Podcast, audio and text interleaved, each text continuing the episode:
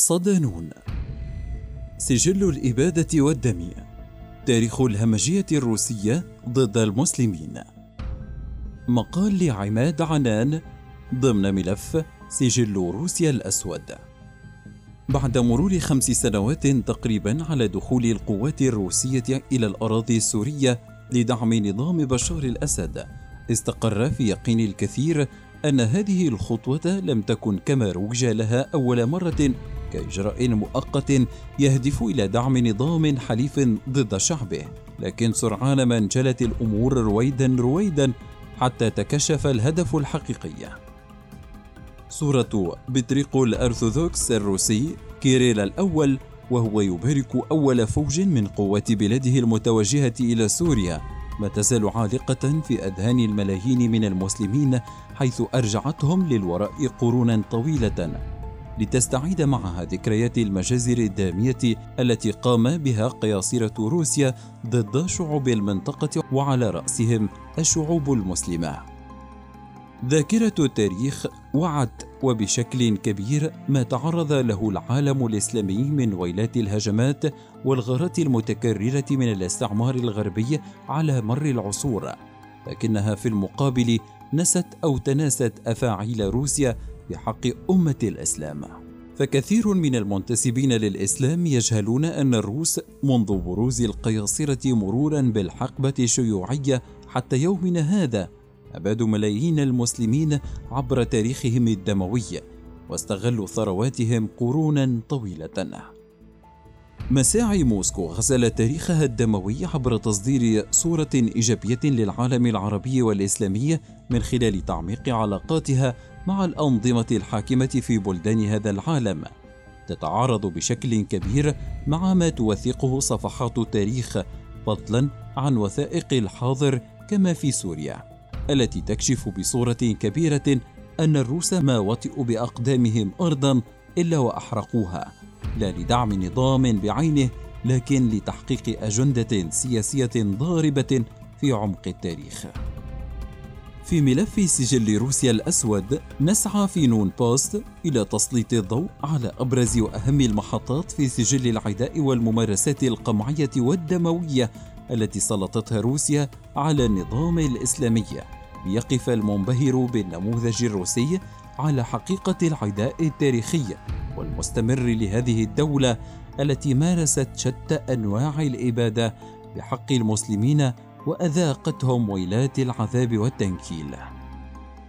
قرون من الإبادة في أواخر القرن التاسع عشر والعشرين وبينما كانت الدول الاستعمارية تحكم قبضتها على بلدان العالم العربي كانت روسيا القيصرية ومن بعدها الشيوعية تستولي على بلدان وسط آسيا والقوقاز المسلمة ومنطقة البحر الأسود والقرم هذا بجانب أنها كانت شريكة وشاهدة على اتفاقية سايس بيكو حيث اتفقت فرنسا وإنجلترا على تقسيم قلب العالم الإسلامي في العراق والشام وبلاد جنوب الأناضول عشية الحرب العالمية الأولى ضد الدولة العثمانية سنة 1915 و 1916 ميلادية.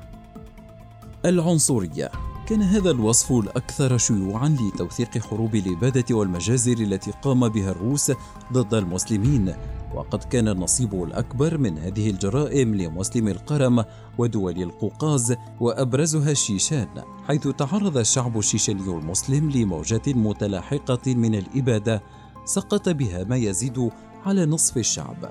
أما المقاتلون منه فقد جمعوا في اسطبلات الخيول وسكبت عليهم المواد المشتعلة وأحرقوا احياء.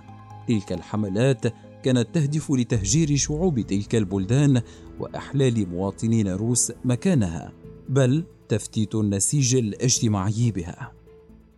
لا توجد دراسات أو إحصاءات موثقة بشأن ضحايا الروس والشيوعيين لكن التقارير التاريخية المختلفة تشير إلى أن العدد يتجاوز عشرات الملايين فوفقا لكتاب البروفيسور روميل الذي جاء تحت عنوان الموت عن طريق الحكومة. وقد قتل نحو 110 ملايين شخص من الأجانب والمحليين بسبب الإبادة الجماعية الشيوعية من عام 1900 حتى عام 1987 ولعل تجربة تأسيس جمهورية الشيشان كفيلة وحدها بتقديم صورة شبه كاملة عن تعامل السوفييت قديما مع البلدان المسلمة. فحين أسس جوزيف ستالين الشيشان بحكم ذاتي في 1944 نفى شعبها بالكامل إلى سيبيريا ودول أخرى بعد عام واحد فقط من التأسيس. وهي العملية التي وصفت بأنها واحدة من أكبر جرائم الإبادة في التاريخ. ونتيجة الظروف الجوية القاسية والأساليب غير الآدمية التي عومل بها المنفيون مات ما يقرب من نصفهم حتى حشر الناس في عربات القطارات المخصصة لنقل البضائع من دون طعام ولا ماء ولا كساء وكل من يرفض تنفيذ الأوامر يقتل مباشرة أمام الناس بوحشية ترهب من يرى ويسمع. وبعد استقلال البلاد على يد الجنرال جوهر دودايف عام 1994 حين حقق المسلمون انتصارا تاريخيا على الرئيس الروسي آنذاك بوريس يلتسن بدأت مرحلة جديدة من العلاقات وبعد مجيء فلاديمير بوتين شن حرب إبادة على الشعب الشيشاني دمر فيها عاصمة البلاد جروزني عن بكرة أبيها وارتكب أبشع المجازر فيها وحرقها وشرد شعبها ونصب أحد عملائه رئيسا عليها. خداع ومكر. تشير صفحات التاريخ إلى مكر وخداع الشيوعيين في تعاملهم مع المسلمين. فبعد نجاح الثورة الماركسية البولشيفية سعى أباطرتها لاستمالة المسلمين في البلاد.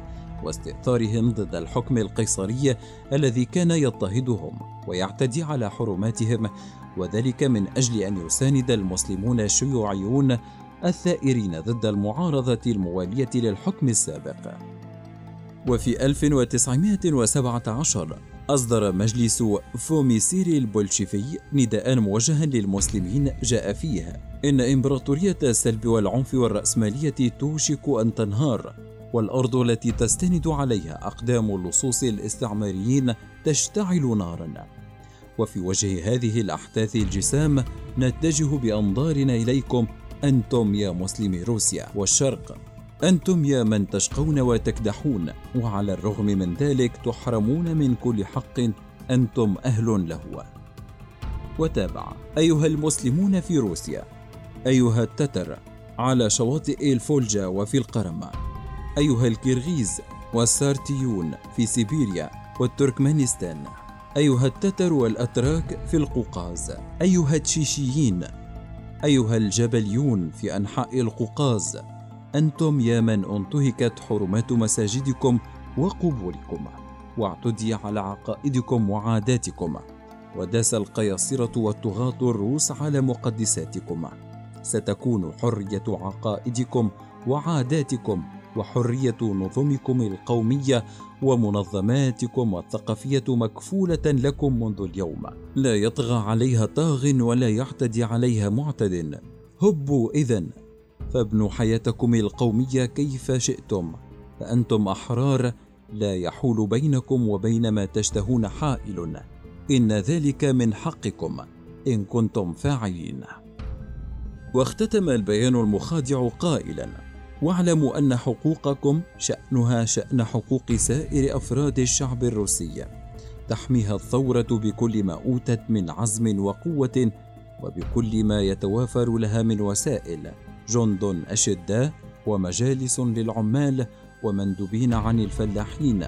وإذا فشدوا أزر هذه الثورة وخذوا بساعد حكومتها الشرعية. حينها فطن المسلمون لما بين سطور هذا البيان وعلى الفور بادروا في تجيش قواهم وأعلنوا استقلالهم مستعيدين بذلك سيادتهم على أراضيهم التي سلبها الروس. على مدار القرون السابقة وبدأ الإعلان عن العديد من الجمهوريات الإسلامية بعضها صغير المساحة والسكان الحاضرة حتى الآن.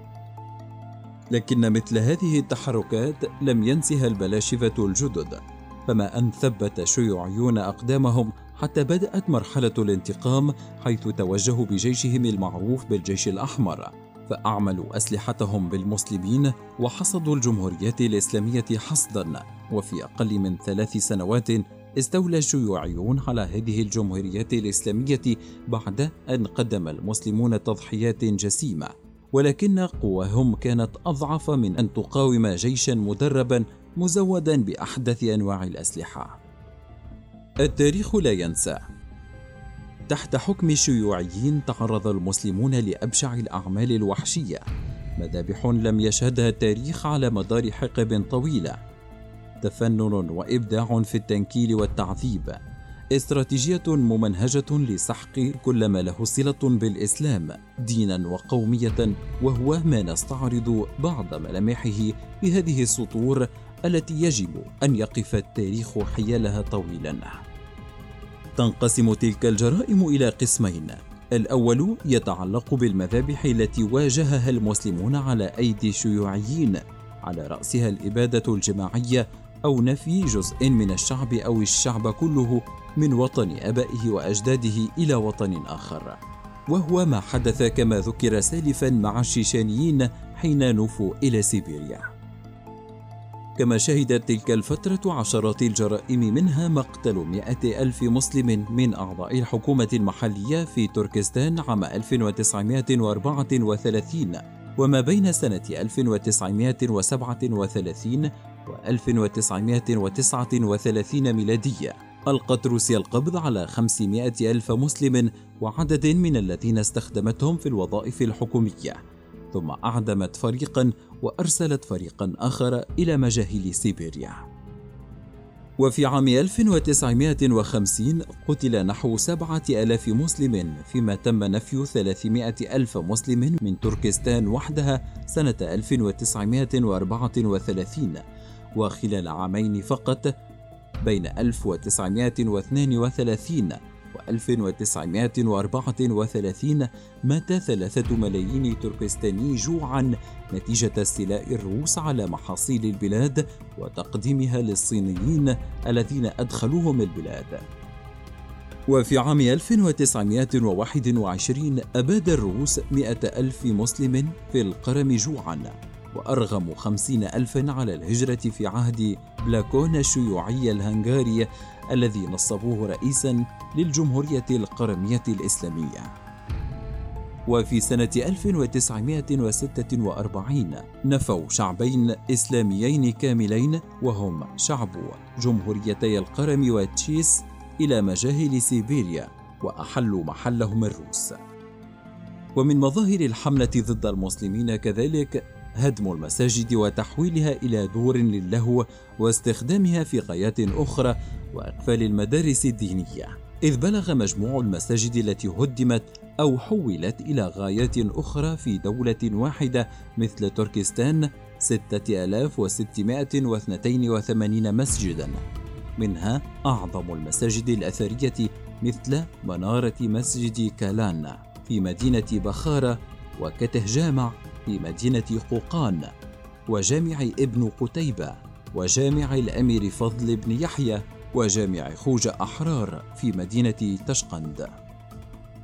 فيما بلغ مجموع عدد المدارس والكتاتيب التي أقفلوها 7052 مدرسة منها ديوان بيكي مدرسة في مدينة بخارى وبكلاريك مدرسة وبران حان مدرسة في مدينة تشقند. وغيرها من المدارس التاريخية التي كانت منهلا من مناهل العلم والعرفان. وفي القرم طمس معالم الإسلام بما فيها الجوامع الأثرية في مدينة باغجا سراي عاصمة القرم الجميلة مثل جامع حان وجامع توزيازرا وجامع أسماقويو وغيرها كما هدموا في مدينة زغرب في يوغوسلافيا جامعا عظيما شيد رمزا لوحدة عنصر الشعب الكرواتي. فيما أغلقوا في مدينة سراييفو الأكاديمية الإسلامية العليا للشريعة الإسلامية وجميع المدارس الدينية باستثناء واحدة فقط أبقوها للدعاية. هذا بخلاف قتل علماء الدين ونفيهم خارج البلاد ومن أشهر العلماء الذين قتلوا على أيدي الروس الشيخ برهان البخاري قاضي القضاة التركستانية والشيخ خان مروان خان مفتي بخارى والشيخ عبد المطلب واملة والشيخ محسوب متولي والشيخ عبد الأحد واد خان والشيخ ملا يعقوب والشيخ ملا عبد الكريم. وفي يوغوسلافيا قتلوا مفتي كرواتيا الشيخ عصمت مفتيش والعالم الفاضل مصطفى يوسلولاجيتش وفي السياق ذاته تعددت صور تعذيب المسلمين منها دق مسامير طويلة في رأس المعذب حتى تصل مخه وصب البترول على المعذب ثم إشعال النار فيه حتى يحترق وتحويل المساجين لأهداف لإطلاق الرصاص عليها من الجنود الروس خلال تدريباتهم العسكرية. بجانب منع دخول الشمس لمعتقلات المسلمين وفرض الجوع عليهم حتى الموت، كذلك إجبارهم على ارتداء خوذات معدنية ثم صعقهم بها بعد تمرير التيار الكهربائي بها وتمزيق أجسادهم عبر ربطها من الطرفين بآلة قوية تشد كل طرف على حدة حتى تفصله عن بقية الجسد.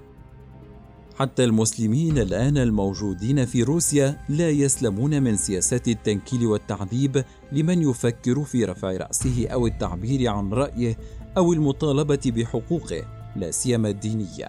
هذا في الوقت التي تفرض فيه موسكو تعتيما غير مبرر على أعداد المسلمين الحقيقيين داخل البلاد إذ تشير الأرقام غير الرسمية إلى أن عددهم يتراوح بين 20 و 30 مليون نسمة وهكذا بات من الواضح أن الصورة التي تسعى روسيا لإيهام العالم الإسلامي بها مستخدمة قوتها الناعمة لتحقيق ذلك. لم تستطع الصمود طويلا أمام صفحة واحدة من صفحات التاريخ الدموي الملطخ بشتى صور التعذيب والإبادة بحق الملايين من المسلمين على أيدي الروس. وفي الحلقات القادمة نستعرض بعض تلك المجازر بشيء من التفصيل لإسقاط هذا القناع المزيف الذي طالما أغرى الكثيرين ممن لا يقرؤون التاريخ جيدا.